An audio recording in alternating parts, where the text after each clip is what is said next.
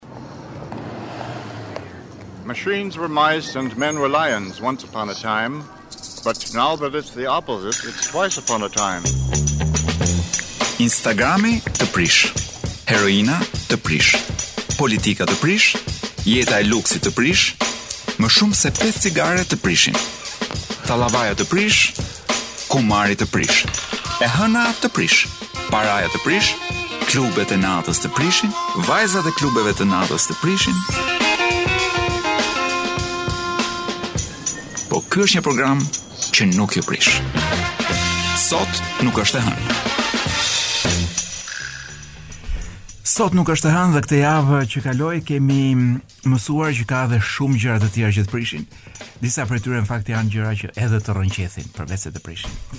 Ë kemi kaluar një javë plot trauma që nga përdhunimi i asaj minorenës në Mirditë e deri tek përdhunimi po themi i Berishës nga ana e e pra nga përdhunimi i Berishës në Washington, do thoja unë. Dhe ndërmjet këtyre lëkundjeve sizmike që kemi patur, Më ra shumë në sy angazhimi i madh shoqëror i shqiptarëve për diçka që në fakt ishte periferike, do thoja unë. Dhe që ishte lloji i pllakatave të protestës kundër përdhunimeve dhe fakti që dikush doli nudo kundër përdhunimeve. Ë intensitet më të lartë nuk kisha parë ndonjëherë në rrjetet sociale, Njerëz të moshave, të fytyrave, të emrave nga më të çuditshëm, të angazhuar në mënyrë intensive.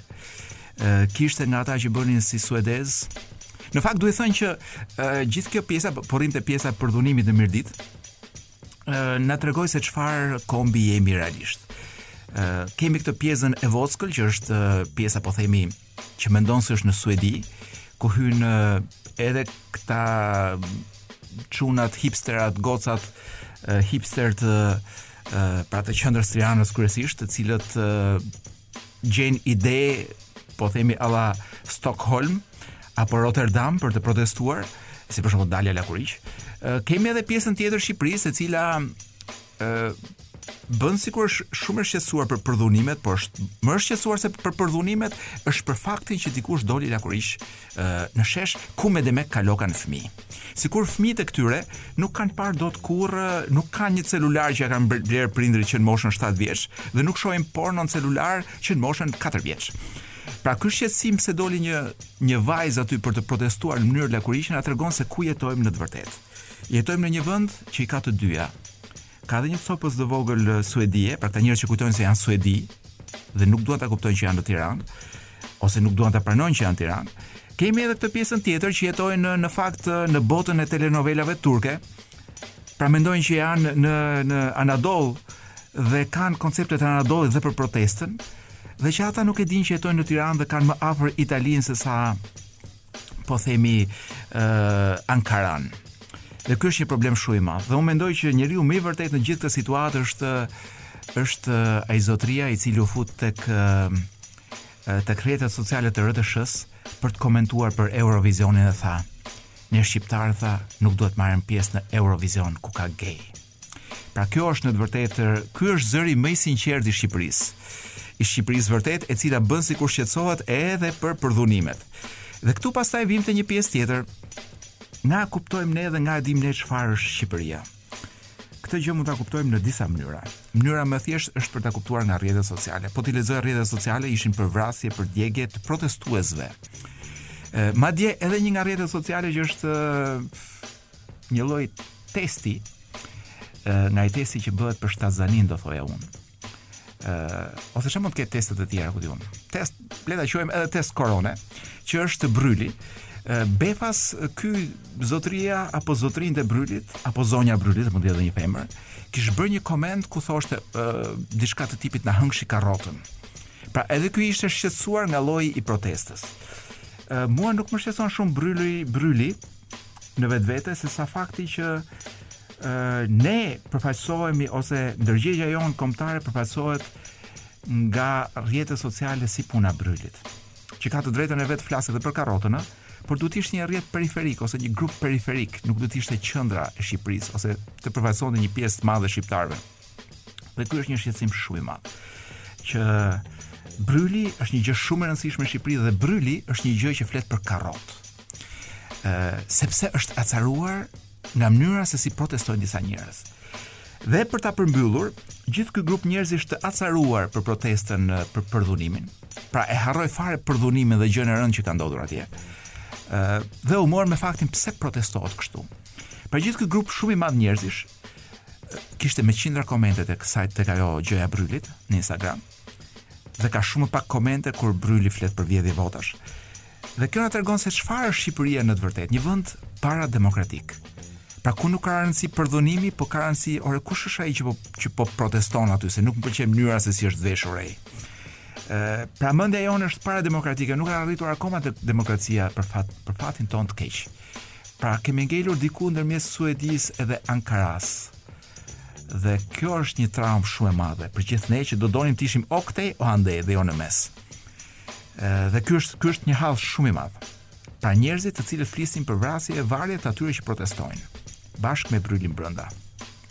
Ndërkohë që kur vjen puna për të protestuar për vota që u vidhen, për probleme reale, për shtypjen që pësojmë dhe për reduktimin e demokracisë në mënyrë të përditshme dhe për kapjen e pushteteve, gjëra që realisht na rëndojnë në jetën tonë të përditshme, këta njerëz nuk ndihen, nuk kanë asgjë për të thënë, janë bosh.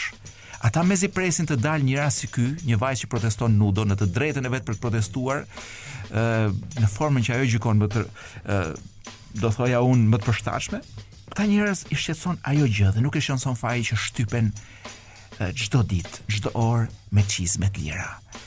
Dhe kjo pastaj na çon tek ajo gjëja tjetër që ne pra një pjesë e madhe prej nesh unë jo as DJ Wiz jo, ndoshta ndonjë nga aty ju, nga ju që po më dëgjoni jo, po një pas pjesë e madhe prej nesh janë kuazi qytetarë. Janë njerëz që nuk janë bërë dot kurrë qytetarë dhe kush e di kur do bëhen. Kush e di, kur do bëhen këta njerëz qytetarë të vërtetë o, o Wiz? Qytetar në kuptimin europian të fjalës, se qytetarë ka dhe Kina. E, ata në Kinë në fakt shkelen me çizme të shtrenjta. Ne këtu na shkelin dhe na shtypin me çizme të lira. Siamo fuori di testa e diversi da loro këta ishin Maneskin me këngën fituese të Eurovisionit. Ë një këngë në fakt gjithë gjëja kënga, teksti, muzika, grupi. Ky grup prej katër të rinjsh, ëm të veshur ndryshe, provokues, ëm të lyer me rimel, me taka të larta si Rolling Stones vafti thuaj 50-60 vjet përpara. Ëm Një djalë që thotë jemi këtu për t'i thënë Europës dhe botës që rock and rolli nuk ka vdekur, po një këngë mbi të gjitha që flet për pra atë që vërtet një i ri ndjen brenda, do të jetë ndryshe dhe gjithë gjëja që i ndodh. Këtë këngë sigurisht që nuk mund ta mundnim ne që shkojmë atje me një këngë, me një vajzë, me një artiste e cila këndon e meritoj të më tërheqësh zvarrë këtë që të kam bërë unë ty etj etj. Ë, por nuk është vetëm kjo arsyeja, sepse po t'i kapësh veç e veç Artistët që ndërtuan këngën e Shqipërisë janë janë të mirë. Ë problemi është që sistemi që ne kemi ndërtuar në përgjithësi, por dhe për muzikën, nuk lejon një konkurrim të fortë, pra nuk lejon në në televizionin shqiptar shkohet me një deal, siç kemi kuptuar dhe siç dyshohet dhe siç përflitet. Shkohet me një deal, shkon një këngëtar thotë këtë vit do e fitoj unë, Këto janë kushtet, ky është deal-i dhe fiton ajo. Dhe prandaj nuk ka garë. Dhe aty ku nuk ka garë sigurisht që nuk ka talente që shkojnë dhe shpërthejnë. Ëm, për shembull ky grup i Maneskin ishte një grup i neglizhuar deri në Sanremo, nuk e priste njeri që të ecin kaq kaq përpara, por shkuan atje dhe meqenëse sistemi është Më i saktë dhe më funksional se joni arritën dhe të fitojnë, se këtu te ne ti shkon por nuk fiton. Ë Eurovizioni, Eurovizioni ishte një event që më bëri përshtypje për nja dy tre gjëra. Gjëja e parë është që në tre net dhe më duket se ishin nja ku di unë nja 10-12 orë, nuk mbaj mend se sa show. Nuk u përmend korona as edhe një herë. Po as edhe një herë. Ndryshe nga gjithë show-t spektakle televizore shqiptare që të, domethënë ti shikoje festivalet shqiptare dhe flitej vetëm për koronën, vetëm për dramën. Jo, në Eurovision nuk ishte ë nuk ishte pandemi. Pra aty ishin mbledhur për festivalin e këngës europiane dhe jo për të folur për pandeminë.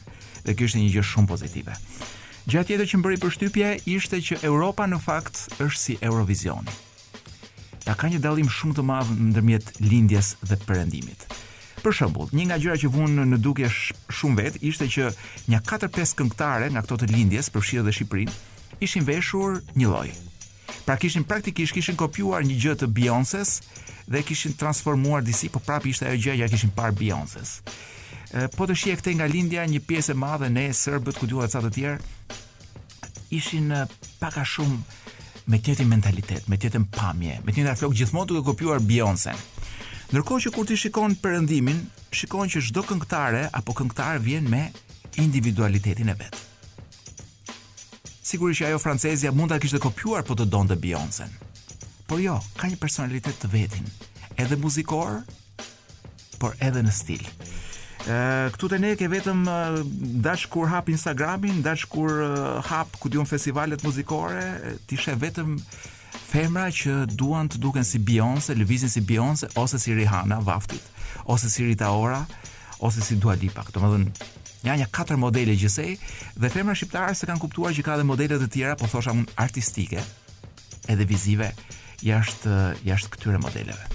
Ndërkohë që DJ na bën gati këngën uh, Voila, nga Barbara Pravi sepse më vjen kështu një si dëshirë kështu për ta kthyer temën në Alafranga. Ë desha të thoja që kishim edhe një tjetër ngjarje të madhe në Eurovision, ë Kahremani Gjon.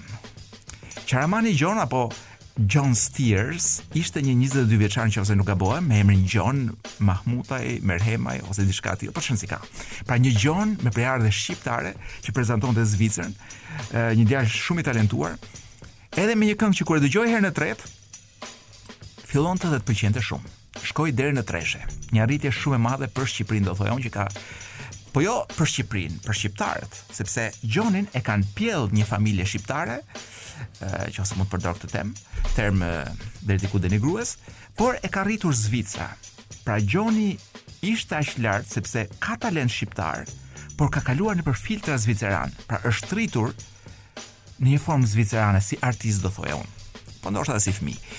Kështu që nuk e di nëse mund të jemi shumë krenarë për arritjen e Gjonit. Tani ju shkoni dëgjojeni diku nja dy herë këngën e Gjonit, që pastaj herën e tretë ta dëgjojmë bashkë, meqenëse T'i doja tre herë për ta pëlqyer atë këngë.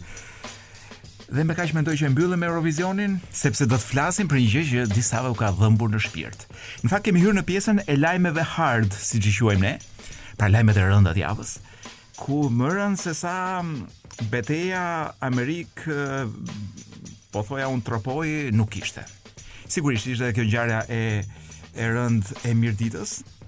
Ishte edhe humbja jonë në Eurovision kur Shqipëria doli Për herë të parë u rendit mes më të mëdhejve të Eurovisionit, mes Gjermanisë, Britanisë, nuk mbaj mend se kush po ishte një grup prej nja pesë vetësh që morën diku nga 0 deri në 25 pikë, aty ishim dhe neve. Për herë të parë një grup me Gjermaninë, domethënë.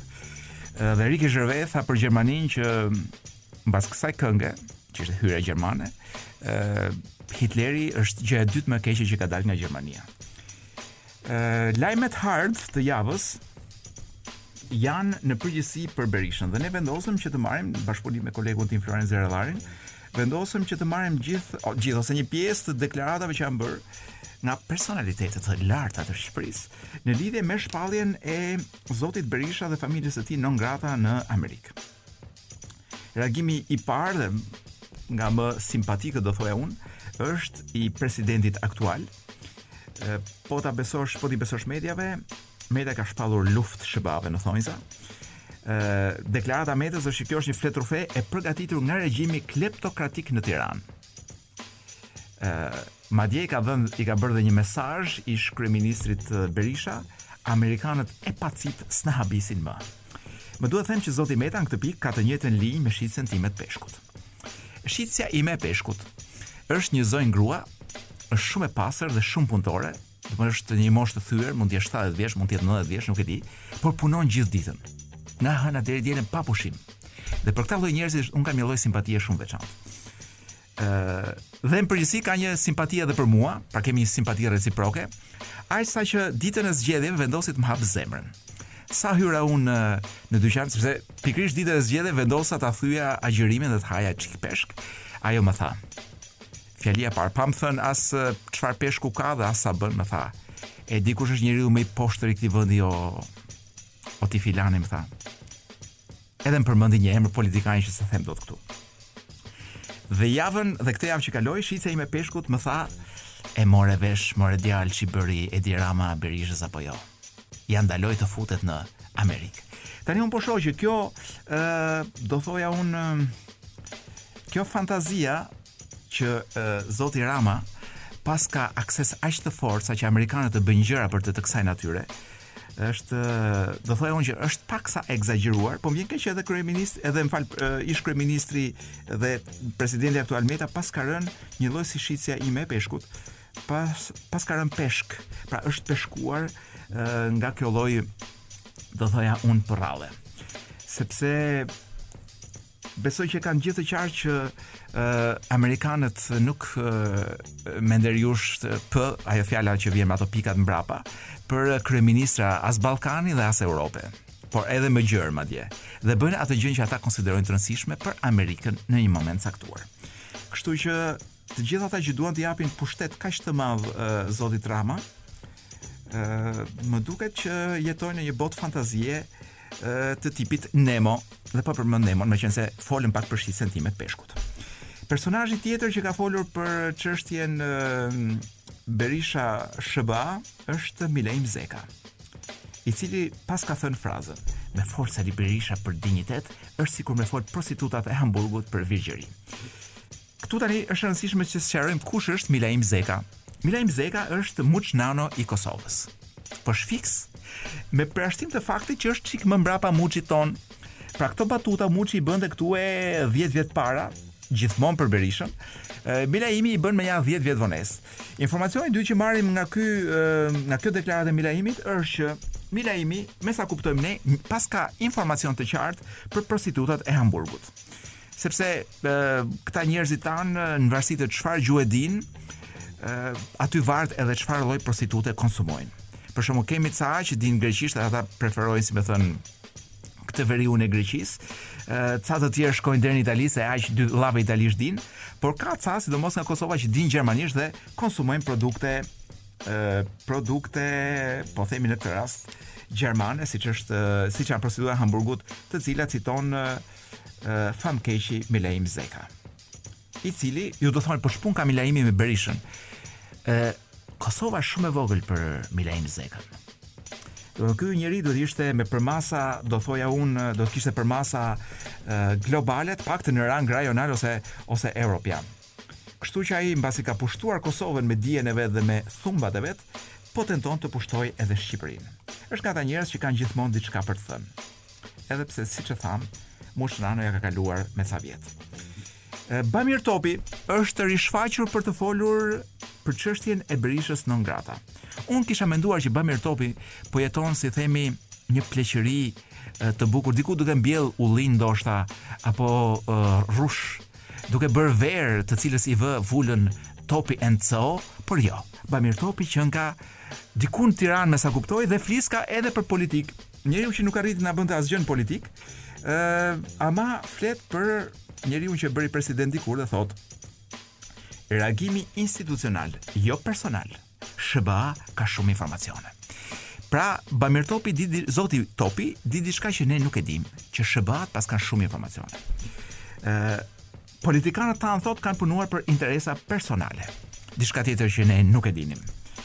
ë Dhe çfarë në fund fundit mund të nënvizojë arsyen pse zoti Topi pati jetë të shkurtër politike sepse fraza të tilla që nuk thonë asgjë në të vërtetë të tipit as mish as peshk unë mendoj që një vend si Shqipëria të paktën nuk të bën të ecir të ecësh gjatë ka dalë pastaj edhe Luçiano Boçi i cili paska thënë një frazë lapidare uh, edhe Krishtit i ngarkuan kryqin më të rëndë drejt Golgotës. Pra këtu kemi pjesën e njeriut që ndjen dhimbjen e Berishajve, edhe përpiqet t'i japë një konotacion uh, apokaliptik. Uh, pra ta bëjë gati biblike situatën meqë në fund fundit është thjesht punë e madhe unë besoj që zoti Berisha nuk do shkonte më në Amerikë dhe sikur por ky do ta bëjë situatën akoma më biblike nga ç'është Unë do i thoja zotit Boçi që prandaj ia caktuan Berishës këtë këtë lloj kryqi se kam përshtypjen që ky e mban. Se po t'ja kishin vënë Erion Braçës këtë non gratën, do këtë lloj kryqi siç thotë siç thotë Boçi, do ishte thyer në mes i shkreti. Nuk do e mbante dot. Berisha madje m'u duk shumë shumë simpatik kur tha që do ta hedhë në gjyq Amerikën. Për shpifje. Shumë e bukur kjo. Ka dalë edhe një zotëri që nuk e njoh mirë, por përderisa e ka nxjerrë gazeta duhet të jetë i rëndësishëm në Shqipëri. Ndoshta shumë i rëndësishëm. Një farë Klevis Balliu që paska thënë Sorosi s'mund ta shpallë dot Sali Berishën non grata, ai e ka bërë historinë. Pra duhet gjithmonë që të dali një titan nga një vend si Shqipëria, në këtë rast është titani Balliu Klevis dhe t'i thyejë hundët Sorosit. Më duhet të them që kjo gjëja më bën pak për të qeshur, kur politikanët anonimë nga vende të vogla dalin dhe flasin për tema të mëdha dhe përmendin emra emra të mëdha. Kjo gjë në anglisht quhet name dropping. Pra për t'u bërë i rëndësishëm ti hedh emra, thua Sorosi. Baba bub baba bab. Da, ç'kemi tani, kemi, mund ta mbaroj këtë? Ha? Publicitet. DJ Wizi më ka dhënë edhe fare pak kohë për ta mbyllur alla grande, do thoja unë. Ë, uh, do flasim çik italisht meqense kemi fituar Eurovisionin. Më duket sikur e fitova unë. Por nga që shoh më shumë uh, Sanremo se shoh festivale shqiptare, do thoja. Që nuk është ndonjë gjë për të mburrur, apo. Uh, u shpall non grata nga Shtetet e Bashkuara, Nard Ndoka reagon. Dhe më besoni, ndash besoni ndash jo, po është reagimi më i sakt nga gjithë ato që kam dëgjuar. Me ironinë që ne kurrë nuk e kemi kuptuar dot Nard Ndokës. Me cizi, me cinizmin e tij të fshehur që duhet shumë mund për t'ia zbuluar dhe për t'ia zhveshur në palat e dhjamit Nard Ndoka ka thënë, Berisha do të mbetet gjithmonë burrë shteti. Tani, në të vërtetë nuk e thot Nard Ndoka, po ky përdor fjalët e një ish ambasadori amerikan që e quajti burrë shteti, ë për të bërë një ironi me këtë vendimin e fundit që besoj që vjen nga pra është një iniciativë e marrë nga ambasada amerikane këtu. Pra njëherë e quajtën burrë shteti para nja 8 vitesh, 9 vitesh, 10 vitesh, jo, 10 vjet ka. Ë dhe tani e vënë e, e fusin në, në listën non grata. Dhe mos më thoni po deshë që jemi i kemi rënë kot në qafë Nardit. Ka thënë gjënë më të saktë nga gjithë ata të tjerë që ne i mbajmë dhe për burra të zgjuar madje. Ashtu dhe. Për sa i përket të vërtetës ë në lidhje me Berishën non grata këtë e di vetëm unë edhe DJ Wizi. Pra unë DJ Wizi dhe Amerika e dimë që kjo në fakt ka të bëjë me gjëra të tjera, s'ka të bëjë as me Berishën në vetvete, As me Ramën, po me ca gjëra, me ca gjëra që juve nuk i meritoni t'i dini. Kur juve të mos shani më ata që protestojnë dhe mbi të gjitha, të mos jeni homofob siç jeni treguar këto ditët e fundit, ë uh, ne edhe mund t'jua themi të vërtetën për Berishën. Kaq. Sot është një ditë që ka një, do thoja unë, një stamp të vogël sipër. Është 80 vjetori i Bob Dylan. Bob Dylan është sigurisht në injorancë totale të një pjese të madhe shqiptarëve, por është një nga kantautorët më të mëdhenj të gjitha kohërave dhe do thoja un frymëzim për breza të tërë muzikantësh. Sigurisht jo për muzikun me shok. Ë uh, Bob Dylan, me qënë se DJ Wizi më ka dhënë një, sa më ke dhënë, 2 minuta? 2 minuta pak a shumë. Unë e vetmja gjë që mund të bëj është që të kaloj një tufë faktesh të publikuar nga BBC-ja, Janë 80 fakte në fakt për Bob Dylanin dhe unë po e kaloj shpejt e shpejt për të parë gjë që mund të ketë interes edhe për ju. Gjëja që do bëj sot ama është që menjëherë mbas lajmeve të orës 7 do dëgjoni një Bob Dylan dhe pastaj diku nga fundi i emisionit do dëgjoni një Bob Dylan tjetër, pra do vëmë dy këngë të tij. Atëherë 80 vjet. Ah, Bob Dylan është i vetmi këngëtar që ka fituar një Nobel në letërsi. Domethënë, përpara, sigurisht që grupi i Baba Stars, poetët e mëdhenj të Shqipërisë, kanë mundësi edhe ata të fitojnë një Nobel në të ardhmen, por Bob Dylan është i pari këngëtar që e ka bërë këtë gjë. Më duhet të them që Bob Dylan ka bërë dhe një turp gjatë jetës vet. ë uh, siç thuhet paktën, po edhe ky e ka pohuar, është ai që ka prezantuar grupin The Beatles uh, me drogën. Pra cigaren e parë të marijuanës, me sa kuptoj unë, e kanë dredhur së bashku me Bob Dylanin. Gjëja tjetër që po lexoj këtu është kur e kanë pyetur në 66-ën, pra në 1966-ën, sepse ky ka filluar të këndojë, imagjino, 80 vjet, ka filluar të këndojë që 5 vjeç edhe uh, i bëni vetë llogaritë. E ka pyetur revista Playboy. Ë për çfarë janë këngët e tua? Dhe Dylani është përgjigjur. Domethënë s'e bën batuta bën sens pak në në anglisht në fakt. What are your songs about? Dhe ky thotë my songs are about, pra këngët e mia janë pak a shumë 4 minuta, 5 minuta, por ka disa që janë edhe 11 apo 12 minuta.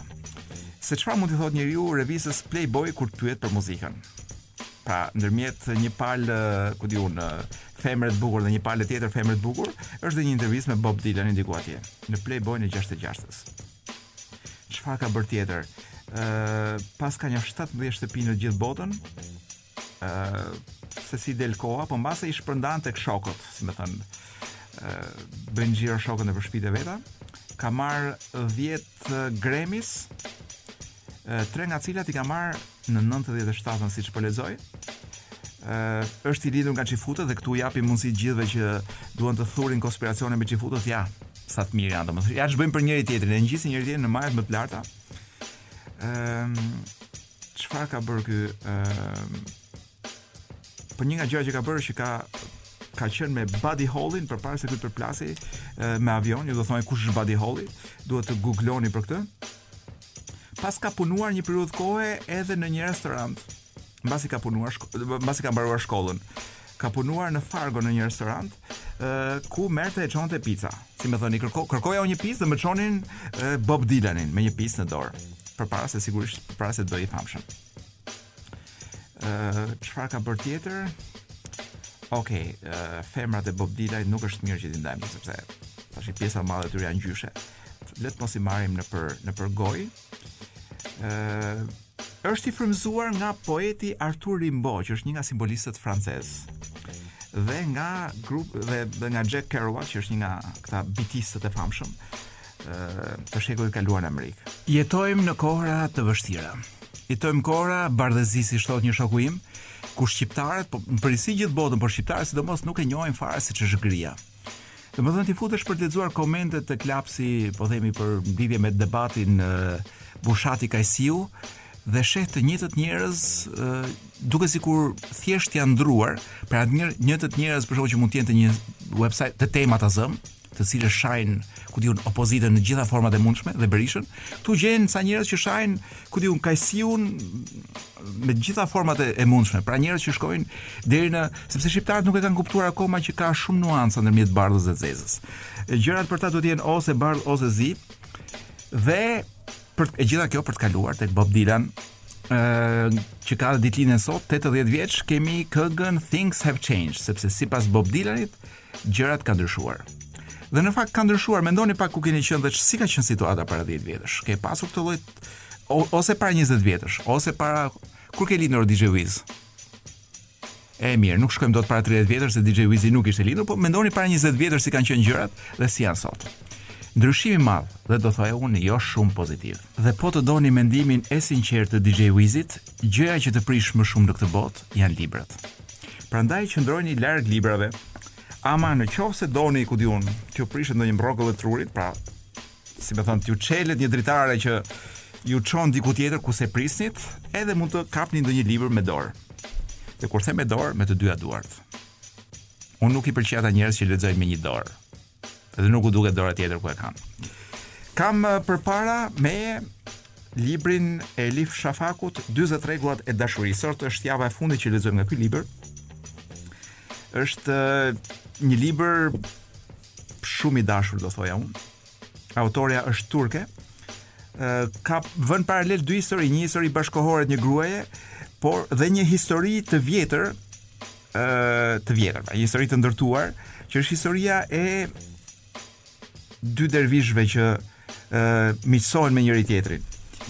Dhe ndërkohë që ndodh ajo historia tjetër e vjetër, po themi para 800-900 vjetësh, njëri nga dervishët i zbulon tjetrit 40 rregullat e dashurisë, që janë njëra më yll se tjetra. Unë po lexoj nga libri, libri është një botim, më duhet ta them, Ti ja ta gjej. Është Bota Shqiptare, është botim pak i vjetër, por ju mund ta gjeni këtë libër në qoftë se futeni në bookinist.al. Madje në rrjetet tona sociale ju mund të gjeni edhe kodin që ju ndihmon juve për ta marrë këtë libër me ulje çmimi 20% ulje. Madje dhe gjithë librat e Elif Shafakut ju mund t'i merrni në bookinist.al me 20% ulje. Bukur. Po lexoj pak. Ë, kapitulli titullohet Rumiu, Është një ngjarje që, sipas librit ka ndodhur në Konja në tridhjetë e një tetor të një mijë e dyqind e dyzet e katër-s. Dhe këtu flet Rumiu, sepse në çdo kapitull flet njëri nga personazhet e librit. Dhe ky është momenti kur Rumiu është gati duke takuar pak para se të takojë pra Shamsin e Tabrizit që është dervishi. Bekuar qoftë kjo ditë kur takova Shamsin e Tabrizit. Ditën e fundit të tetorit, ajri ishte i acartë dhe frynte një erë e fortë që lajmëronte fundin e vjeshtës. Sot pasdite, xhamia qe mbushur si përherë. Duke u predikuar turmave të mëdha, përpiqem as të mos i harroj, as të mos e kem mendjen tek dëgjuesit. Për ta bërë këtë ka vetëm një rrugë, ta përfytyroj turmën si një person i vetëm. Qindra njerëz vijnë e më mbajnë vesh çdo javë, por unë i flas vetëm një njeriu, atij që dëgjon jehonën e fjalëve të mia në zemër dhe që më njeh si asnjë tjetër. Kur dola nga xhamia, pashë që ma kishin bërë gal, kalin gati, sepse në atë kohë udhëtoje me kuaj për shembull, dhe jo me vespa.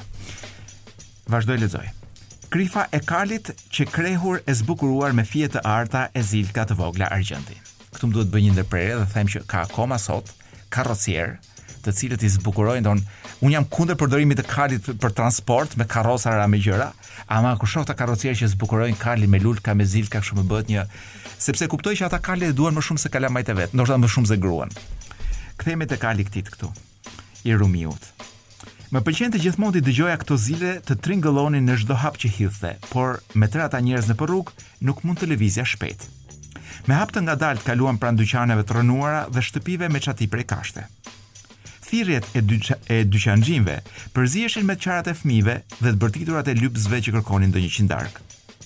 Shumë nga këta njerëz më kërkonin që të lutesha për ta. Disa të tjerë thjesht donin të më ecnin përkrah. Por kishte nga ata që prisnin më shumë. Më kërkonin t'i shëroja nga ndonjë sëmundje vdekjeprurëse apo nga mallkimet. Këta ishin të vetmit që ma prishnin terezinë. Si nuk e shihnin dot që unë nuk isha as profet e as mjek dhe nuk bëja dot mrekullira. Sapo u kthyem në një qoshe dhe iu afruam hanit të tregtarëve të sheqerit, më zuri syri një dervish endacak që po çante mes turmës në drejtimin tim. dhe m'i kishte ngulur sytë si shigjetë. Lëvizjet i kishte të shkathta dhe të prera, dukej sikur rrethohej nga një aureolë vetëbesimi të mjaftueshëm. Nuk kishte flokë, as mjekër, as vetulla. Ore ky pas don në mendjen time vjen Bert Aliaj, mfalje se don, po kur dëgjoj përshkrimin që i bën Rumiu, Shamsit të Tabrizit. Shiko ç'thotë më pas. Megjithëse fytyrën e kishte aq të hapur sa s'thuhet, shprehjen e kishte krejt të padepërtueshme. Por nuk më bëri aq përshtypje pamja e tij, për vite me radhë kisha parë dervishë endacakë të të gjitha llojeve që kalonin në Konja në kërkim të Zotit. Me tatuazhe të çuditshme, me vëthë të shumtë në vesh e në hundë, shumë nga këta tipa pëlqenin që të quheshin të pashtruar. Flokët i mbanin ose shumë të gjatë ose i qethnin fare. Disa kalandarë kishin edhe gjilpëra të futura në gjuhë. Bert Aliaj nuk ka të tilla. Kështu që, kur e pashë për herë të parë këtë dervish, nuk më bëri përshtypje pamja e jashtme. Mund të them se më tërhoqi vështrimi i tij. Sytë e tij të zinj të shponin më keq se thikat. Ndaloi në mes të rrugës dhe ngriti lart të dy krahët si të donte të ndalonte jo vetëm turmën, por edhe rrjedhën e kohës. Ndjeva një tronditje të më përshkronte gjithë trupin, si një parandjenjë e beftë. Kali u nervozua dhe nisi të shfryjë fort, duke tundur kokën sa lart poshtë. U përpoqa ta qetësoja, por më dukej, por më duket se pranoj pranoj se edhe unë po, por më duhet të pranoj se edhe unë po ndihesha nervoz.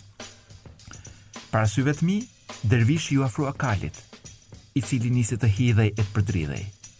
dhe i përshpëriti diçka që nuk e dëgjova dot. Kali nisi të merrte frymë thellë, po kur dervishi tundi dorën si të bënte ndonjë gjest përfundimtar, u qetësua plotësisht. Një valë habie pushtoi turmën. Dëgjova dikë të përshpëriste. Bëri magji të zezë.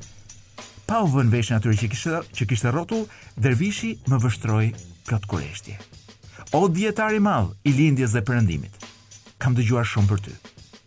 Kam ardhur këtu të të bëj një pyetje, nëse më lejon. Jepi, i thashë nën zë. Në fillim, duhet të zbrezësh nga kali që të bëhesh njësoj me mua. U habita shumë nga ato fjalë saqë për disa çaste nuk fola dot. Njerëzit që kisha rrotull u zbrapsën pak. Kurrë më parë nuk më kishte folur njeri kështu. Tani ju doni të dini se çfarë pyetje i bëri. Këtë nuk jua them dot sepse edhe DJ Wizi thotë koha mbaroi, por dhe ju duhet që ta shfletoni pak këtë librin. Elif Shafak, 40 rregullat e dashurisë. E gjeni në bukinist.al me zbritje çmimi 20%. Sot nuk është e hënë dhe jo vetëm kaq, po këtë mund kam dëshmitar për këtë, domethënë që sot nuk është e hënë.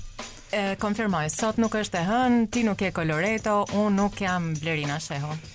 I- Jemi bërë gati gati si Demi Lovato Po. apo Demi Lovato, nuk e di se si e ka emrin. Nuk, ata e kanë Demi Lovato. Po pra, sepse mora vesh, nuk e di, e paske dëgjuar dhe ti këtë Po lajm të- të sigurisht madh. Kolo ka bërë namin ky. Domethënë mbas e, Eurovisionit ka qenë lajmi më i bujshëm i javës, që Demi Lovato nuk do që ta thërrasin Ajo sepse Ose ai. Jo, e, ajo e jo një. po po thua ajo parashikon edhe një ai. Ajo nuk do të qëndrojë në këtë sistem binar. Do një pra, trinom. Pra nuk do bardhezi ajo. jo. Do ata më bur, ta thërrasin. Ajo do jesh i lëk. Ata lovato. Shiko, un nuk e di pse ne habitemi se këtu kam vënë re edhe në rrjetet sociale pak një kështu një lloj.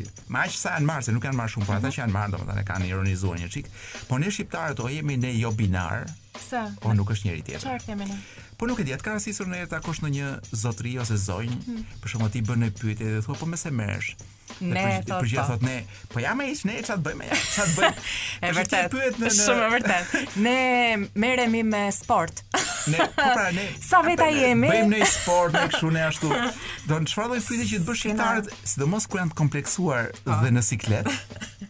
Sidomos kaloj nuk flasin më për vete, flasin për veten e vet dhe për shumë të tjerë që përfaqëson po, vetja e vet. E kanë dhe prindërit për fëmijët e vegjël, e ke parasysh thonë, e po se tani jemi indiferent.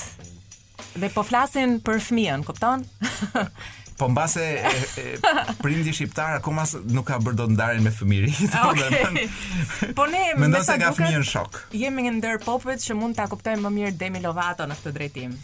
Atë mendoj dhe unë. Unë nuk shoh asgjë të keqe në qoftë se njerëzit, un kam shqetësim më tepër me ata njerëz të cilët për shembull nuk ndihen as ajo, as ai, as, as ata. Po ndihen po ku di un për shembull. ë ndihen si një simbol, siç ishte Princi për një kohë për shembull, të kujtohet vakti që tha, po, un jam simbol tha. Po, mos më thirrni as me emër as me asgjë, un jam vetëm ky simboli. Po mund të dalë edhe dikush që të thotë un sot ndihem si penda e gjelbër e një papagalli. Mos më thrisni mua Ju. Edhe me këta nuk kam shqetësim, dhe me gjithë ata që ndihen si pendë papagalli, ku di unë si top basketbolli, si dorezë jo, tualeti publik. Jo, thjesht do na vështirësohet pak më shumë komunikimi, mendoj në të ardhmen, në qoftë se duhet të jemi të kujdesshëm ndaj të gjithë këtyre gjërave për të qenë politikisht korrekt. Kjo është shumë e vërtetë, por eh, derisa të vijë, derisa të mbrrijë ajo epokë në Shqipëri, unë eh, them që jemi të sigurt. Okej. Okay. Domethënë sepse ne jemi akoma ku njerëzit jo, eh, jo vetëm ne jemi akoma në kohën ku njerëzit ti je tek bankomati uh -huh. dhe njeriu mbas teje të ngjitet mas shpine. ti mendon mos vallë është një pervers që po don që po kërkon ku di un të krijojë kontakt fizik. Jo, jo, është thjesht një xhaje që nuk ka kuptuar që ka ca distanca në këtë botë, e thot çuni dhe thot ta thot mua në qaf, në kohë korone, të flet me kështu dhe të pështyn pak të qafë, kështu që çuni mbarove ose do thot çuni të jep një celular, do çuni më më gjej pak numrin e ku di un e, e, e nuses e nuses. Pra ka gjëra të kësaj natyre dhe unë mendoj që ne jemi akoma larg nuk nuk rrezikojmë delikatesave politikisht korrekte. E, të të qenit uh, politikisht korrekt për shumë vite që vijnë. Por tani unë si të thërras ty Blerina, me qenë se jemi në këtë zonjush. Ti e di që është një tjetër term që ka dalë nga përdorimi prej shumë vitesh. Ashtu ë. Apo, nuk thuhet më zonjush. Thuhet pjeshk zakonisht. Do të thonë, nuk shukam. Po jo, në rastin e kemi zëvendësuar fjalën zonjush me Me fjalën me bën. mund të thrasësh zonja Shehu. oh, madam. Dhe le t'i ngremë të gjithë muret. Mirë se erdhe, do flasim për gjëra shumë të rëndësishme. Po. Do të flasim për një argument shumë interesant në fakt. Ë, është gjithmonë një argument që na nxit nga jashtë, pra nuk është se ne shqetësohemi për të kuptuar se si i bëjmë zgjedhjet për partnerët në jetë. Është një artikull zakonisht që të fton uh, të kuptosh nëse ti ke bërë zgjedhjen sipas këtij studimit apo jo. Dhe studimi në fjalë tregon. Do të thotë zgjedhim partnerin, kjo është po, ideja. Çiftëzimi. Ah, pa si si çiftëzohemi. Po, sepse jo domosdoshmërisht jemi të dashuruar me partnerin që kemi zgjedhur në jetë, apo jo? Po, prit, ma mbaj aty. Ta mbaj. Ma mbaj te, tempin. Mhm. Mm dhe ne po jetojmë majin e këtij viti, si kurrë ndonjëherë. Më rrëqethje. Pse? Të mëdha, ha? Pse kështu? Po çfarë po ndodh? Berisha bëhet non grata. Vajza dalin lakuriq në mes të në mes të shesh, sheshit Skënderbej për të protestuar. DJ Wizi ka blerë atletë të reja, domthonë gjë po ndodhin gjëra të paimagjinueshme. Ë, por ndër, dhe ndër gjitha këto ne shqetësohemi për një gjë që neve nuk jemi shqetësuar kurrë. Ore, e ke vënë re ti Fillon shqetësimi. E ke vënë re ti që këta të pasurit lidhen me të pasurit. Dhe deri këtu s'ka asnjë problem, ëh, se ne i urojmë të trashëgohen me jetë lumtur. E shtofshin pasurinë. Unë nuk e kam kuptuar vetë mirë, sepse unë në përgjithësi jam i paaftë për të kuptuar kush është i pasur dhe kush nuk është i pasur. Pse kështu more Kolo? Ëh. po sepse Unë s'e kam kuptuar akoma se si e masin pasurinë. Do dhe si masin pasurinë në Shqipëri dhe si ia masin pasurinë atyre që e fshehin. Për shembull, kryeministri është një nga njerëzit më të varfër të Shqipërisë. De facto. E, ja, këtë nuk e di. Po është i bie që të jetë martuar me një grua super të pasur. Ke vënë ti që ashtu është. e, Kështu po, që me këtë rregullën i bie që të jetë edhe ai i pasur. Dhe në përgjithësi kam këtë sigurisht, domethënë, kjo është puna dua të di, domethënë, Kam dëgjuar që të, të pasurit shko, pasuria shkon te pasuria si thua. E, e ke dëgjuar këtë si shprehje? Po është e vërtetë. E materializuar. Është e vërtetë. Studimet tregojnë se të ngjashmit shkojnë me të ngjashmit, pra të pasurit shkojnë dhe gjejnë të dhe dëgjo, Kolo, se, nuk është se kanë edhe kaq shumë faj, se nuk tani le ta lëmë mënjanë kryeministrin. Po për shembull, një i pasur. I, bash, i bashkon Nazeri Beach, nuk kanë ç'bëjnë. Që shkon për shembull, nuk e di, më thuaj vendin më të shtrenjtë të Shqipërisë. Vendi më i shtrenjtë i Shqipërisë, ku di unë, kam dëgjuar për këtë Nazerin, por kam dëgjuar që ka ca stërgma më të mëdha se Nazeri. Nazeri ore. Nazari. Nazarko Beach. A gjeta, është një Nazarko Beach. Po mos i bëj reklamë se s'ka pas lekë. Nazarko Beach-it i bëj sa duash reklamë, por këta që më dëgjojnë mua nuk kanë lidhje me Nazarko Beach-in në ndonjë. Nazarko kam përshtypjen që nuk është është një gjë tjetër, është një personazh. Nuk ka një plazh të vetën ky Nazarko? Ky ka po një portal. Nazari, Nazari. Na. Ha mo DJ Wiz, ti bredh kështu. DJ Wizi shkon në, i maskuar në këtë vend. Vishet kështu si tebdil, besoj. Si arab. Vishet tebdil kështu sikur është një sheik arab dhe hyn në këto vende, kështu e lënë të futet. Po ne të varfërve të Ideja është që duke shkuar te ky plazh që nuk ka rëndësi si e ka emrin, domethënë aty nuk është se do gjesh të varfër, do gjesh të ngjashmit e tu. Po. Dhe aty do lindi interesi, sepse aty çel gonxhe dashuria. Është një pikëpyetje shumë e madhe nëse në këto çifte ka dashuri ose jo. Po pra këtë më thuaj ti mua, sepse unë e kam kuptuar që këta të pasurit bëhen bashkë. Ajo gjëja që na kanë thënë neve me Richard Girin dhe me Pretty Woman, ku di unë s'më ka rezultuar po, shumë. Po, thua Richard Gere Se kam dalë në rrugët e Tiranës, po ish mazalla se do të ndalonte një limuzinë apo të, të, të kërkon drejtim rruge. Unë kur po mendoja rreth kësaj teme, mendova të gjithë përrallat e Hans Christian Andersen, Vëllezërit Grimm, të gjithë filmat multiplikativë, po, siç i thonin dikur. Po që promovojnë vajzën e varfër dhe, dhe princin e pasur. Ku ajo shërbëtorja, shërbyesja ose sanitarja e familjes uh, papritur humbte këpucën po. edhe martohet me princin të gjitha këto, imagjino, nuk kanë ndihmuar që të ndryshojnë këto këto A mund ta dim pse ndodh shkurtimisht, domethënë, pse ndodh kjo gjëja dhe ndodh vetëm me të pasurit, por kam përshtypjen që ndodh me shumë grupe të tjera. Kjo puna e të ngjashmëve, çiftëzimi i të ngjashmëve të themi. Sigurisht, kjo është një kjo është një teori të cilën nuk e kam shpikur unë gjithmonë. është një teori që ekziston. A, a mund të qaj një hall me ty?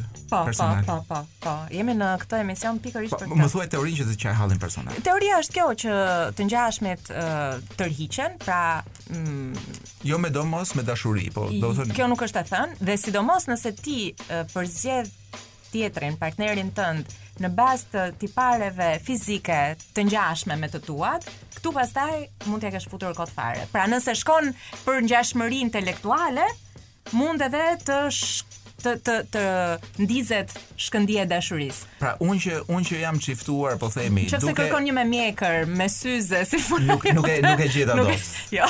Një një të tillë fiks siç doja unë nuk gjeta. Nuk do biesh dot në dashuri. Por gjeta një gocë me syze, E është? Edhe kam bërë çka kam mos kam bërë një gabim të madh, Jo, se ka shumë vite që kam bërë këtë gabim. Po sepse ë, ju ne jemi të syze ne qorrat mos vallë, qorrat në kuptimin e pozitiv të fjalës, sepse i duam shumë. Në kuptimin e mirë të fjalës është një shprehje që të nxjerr nga situata. Sepse jemi të gjithë të verbër, ca nga mendja, ca ë, nga një herë edhe nga sytë. Por ajo që sugjerojnë në të tilla raste, Kolo është që për shembull në Facebook, ti nuk ke as Facebook. Le që të s'duhet se ti e ke zgjedhur tani e ke bërë zgjedhjen tënde, po në Facebook po, mund të gjeni shok për muhabet pak. mund të gjë, mund të mund të dalësh nga qerthulli ose nga nga rrethi yt. Në Facebook thua ti. Po, ose në rrjete të tjera sociale ose në, në akoma më mirë në këto ë chatet ë e, e takimeve private. Ah, në këto Tinderat e gjërat, ndoshta. Tinderi nuk e di, po në këto ku Thua për shembull çfarë libri të pëlqen ty, mua më pëlqen filan. Sepse më duket një problem shumë i madh kjo gjë. 40 rregullat e dashurisë. Oh, thotë ajo, kam dëgjuar dhe unë e lexon Kolo. A të futë mi? Po. pra po ndihmoj njerëzit të çiftohen se ky po është një problem shumë i madh. Të pasurit gjejnë të pasurit sepse edhe frekuentojnë ndoshta të njëjtat vende. Eksakt. Ku di unë, njerëzit me IQ të lartë, Silicon Valley.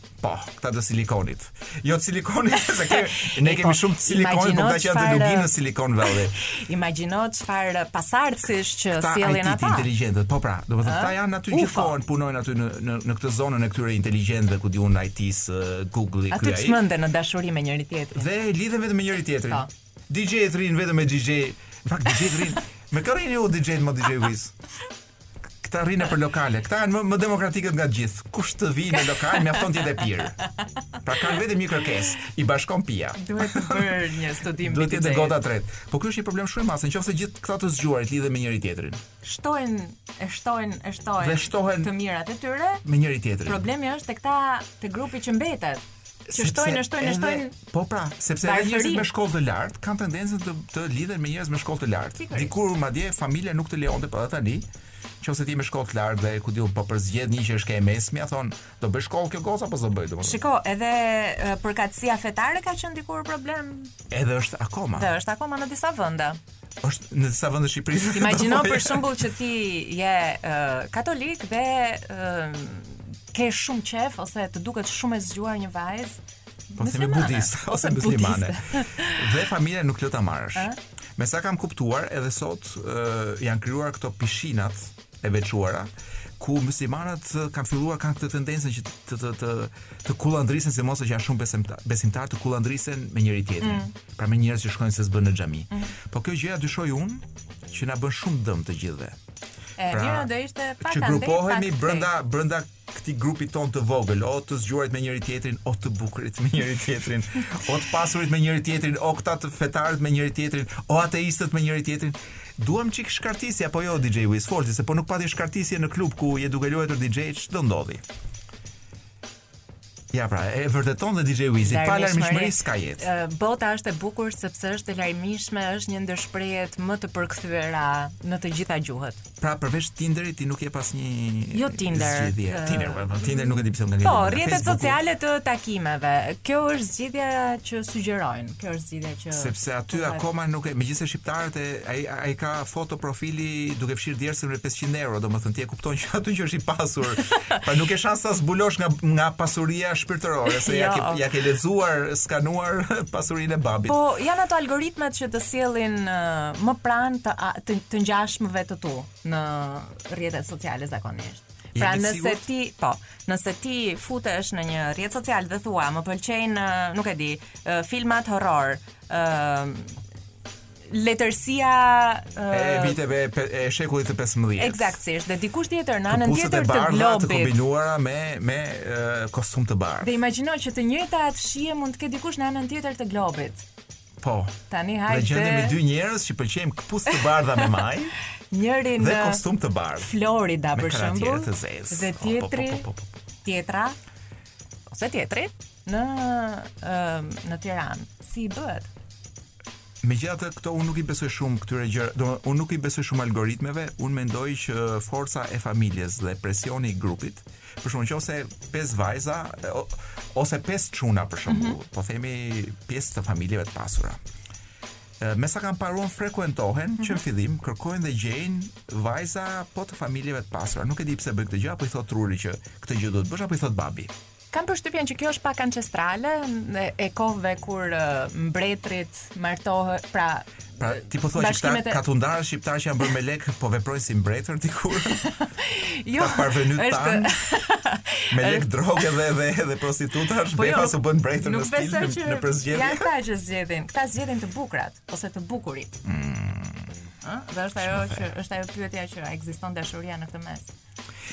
Ja, këtë pyetje desha të bëja unë. Tash në gjithë këtë mes a kemi dashuri apo s'kemi dashuri? DJ Wiz, kemi dashuri këtu apo s'kemi? Këta të pasurit me njëri tjetrin këta. Sa beson. Është skeptik. Unë di të them këtë gjën që dashuria vjen gjithmonë mbas.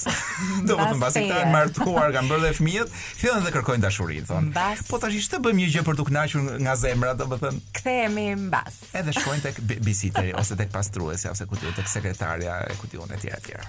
Po s'ka qenë kaq e lehtë. Drama shqiptare. E po do të bëjnë këtë zgjedhjen, e ç'thua ti këtë përzgjedhjen po. çift çiftimin e përzgjedhur selektiv. Po. Dhe pastaj vendosin të kërkojnë një çik dashuri. Dramë e madhe, se si do ta bëjmë nuk e di. Po unë mendoj që nuk ka dashuri më të madhe se ajo e një adoleshenti për pornostaren e vet të preferuar. ka një lidhje në nivel po themi astral, do thoja unë. Është një argument që ne gratë nuk do ta kuptojmë dot kurrë. Ju vërtet nuk e keni me këtë, po ju mund ta keni me ku di unë me ndonjë këngëtar të tipit Alvaro Domi, se si e ka, si është një Alvarez e harrova. Po di që gjithë gratë gjithë po, botës, dhe gjithë gejtë e gjithë botës janë të dashuruar me këtë Alvaro Alvarez se si e ka. Dhe unë prej inatit nuk e luaj asnjëherë në emision. Sofia. Ç'është kjo? Ky është Alvarezi, Alvaro Rodriguez. Po, nice. Vëllai i Belenit, besoj, nuk e di. Jo, nuk e do do e gjej emrin dhe do e them ndoshta herën që vjen. Kemi vetëm 1 minutë kohë për qarë hallin e fundit, që është Bienalja e Venecias. A kjo do të kërkonte një kohë goxha më të po, gjerë se sa 1 minutë? Mund ta presim shkurt drurin, domethënë copa copa. Shqipëria prezantohet aty me një film të para 40 viteve. Po, tema është How will we live together? Pra si do ta kemi bashkëjetesën sepse kuptohet që pandemia ka vënë në vështirësi po. një sërë hallkash të zinxhirit socialo-ekonomik politik në në të gjithë globin. Dhe duket sikur i vetmi uh, film që mund të uh, përfaqësonte këtë lloj uh, fqinjësie po. ideale, është një film që i përket periudhës së komunizmit, kur ti e mban mend shumë mirë që uh, dhe është filmi në shtëpinë tonë. Në shtëpinë tonë, ku fqinjët nuk flisin dot. Dije, njihet si filmi i gjelit, thotë Gjeli Gjeli, do e mban mend nga që është ai çuni me gjel. Iku. Dhe ti e mban mend që atëherë shprehja më e dëgjuar brenda familjeve ishte edhe vesh, edhe muret kanë vesh. Pra mos fol se të erdhi fqinji. Po po. Më kujtohet se dish të bën apo. Është një jo? film, është një film ku bashkëjetesa është në kulmin e vet, ku ah. fëmija që ka bërë fajin e mhm. merr mamaja, babai për dorë dhe sjell në shtëpi dhe gjithë komshinjtë i thoshin, "Futi një dru në shtëpi kur shkosh." Ashtu do ky thoshte komshija tjetër. Eh, kot arta, kot arta. Po fusi një dru dhe zgjidhi hallet. Kishte lezet. Të kishte lezet. Uh, dhe ne nuk kemi dot asgjë, asnjë film tjetër që jo, mund jo. të përfaqësojë jo. fqinjësinë. Përveç se në qoftë se është ndonjë përzgjedhje cinike nga ana e galerisë sonë të arteve, kush jo, do që ka. Jo, do të pyesim ministren e kulturës. Ministria ka çuar. Po. Margariti, me siguri ministrja, ka. Ministrja, jam shumë i sigurt që ministrja ka ndër ato mirë dhjetëra mijëra filma që ka parë, do ketë vështirë të identifikojë njërin. Blerina, të falenderoj shumë që ishe me ne sot. Shpresoj që do na kthehesh me një temë të nxehtë. Ata, faleminderit ata. Po. Siç do thoshte Demi Lovato. ata do kthehen domethënë edhe ata, edhe mbas një po, jave po. për të folur për tema të nxehta. Sot meqenëse është 80 vjetori i mm, Bob Dylanit, ne do vëmë këngën e dytë, dy këngë Bob Dylan në këtë emision. Dhe kjo është kënga e atyre që ka vajtur ora 8 pasazh tash, 8 pa 8 minuta. Dhe thonë, duhet të ulem dhe të pi një kafe. Kjo është kafja e darkës. Pra kjo është për gjithë ata shqiptarë që ulen dhe e pinë dhe një kafe para se shkojnë në shtëpi. Një një një kështu një kupë të një një një filxhan të fundit kafeje para se të ikin në shtëpi. Në Top Albania Radio.